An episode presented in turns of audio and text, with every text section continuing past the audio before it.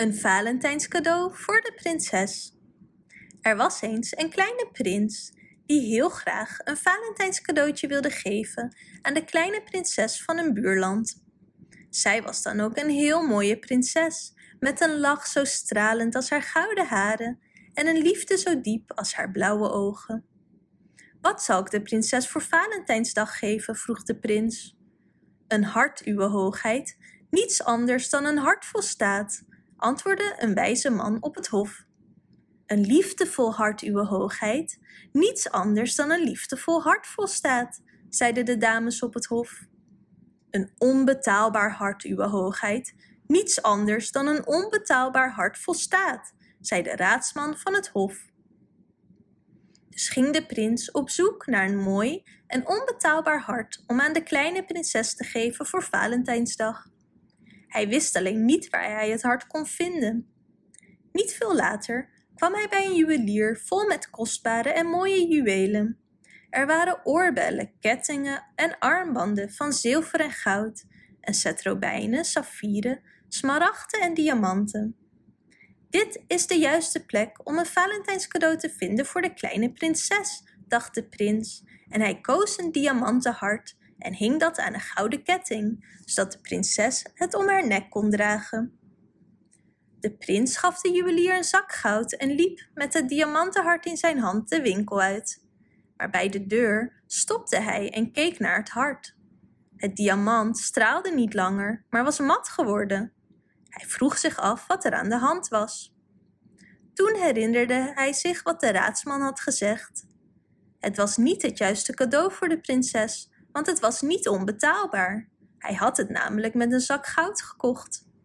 Dus gaf de prins het cadeau terug aan de juwelier en liep verder. Na een tijdje kwam de prins bij een bakkerij.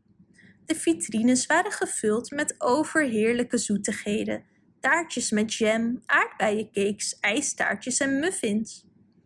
In de etalage van de winkel zag hij een gigantische taart in de vorm van een hart de taart was rijkelijk versierd en zag er prachtig uit. Dit is de juiste plek om een Valentijnscadeau voor de kleine prinses te vinden, dacht de prins. En hij wees naar de grote taart in de vorm van een hart in de etalage. Hoeveel kost die taart? vroeg hij aan de bakker. Ah, die taart is niet te koop, antwoordde de bakker. Ik heb het als decoratie gemaakt voor Valentijnsdag, maar ik doe de taart graag cadeau, uwe hoogheid. De prins was verheugd, bedankte de bakker en wandelde met de taart uit de winkel. Dit moet het juiste cadeau zijn, want ik kon het niet kopen, dacht hij bij zichzelf. Toen liet de prins de taart bijna vallen.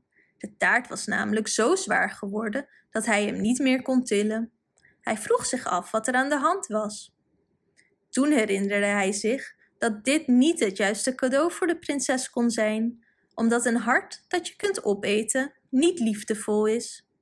Dus gaf de prins de taart weer terug aan de bakker en liep verder.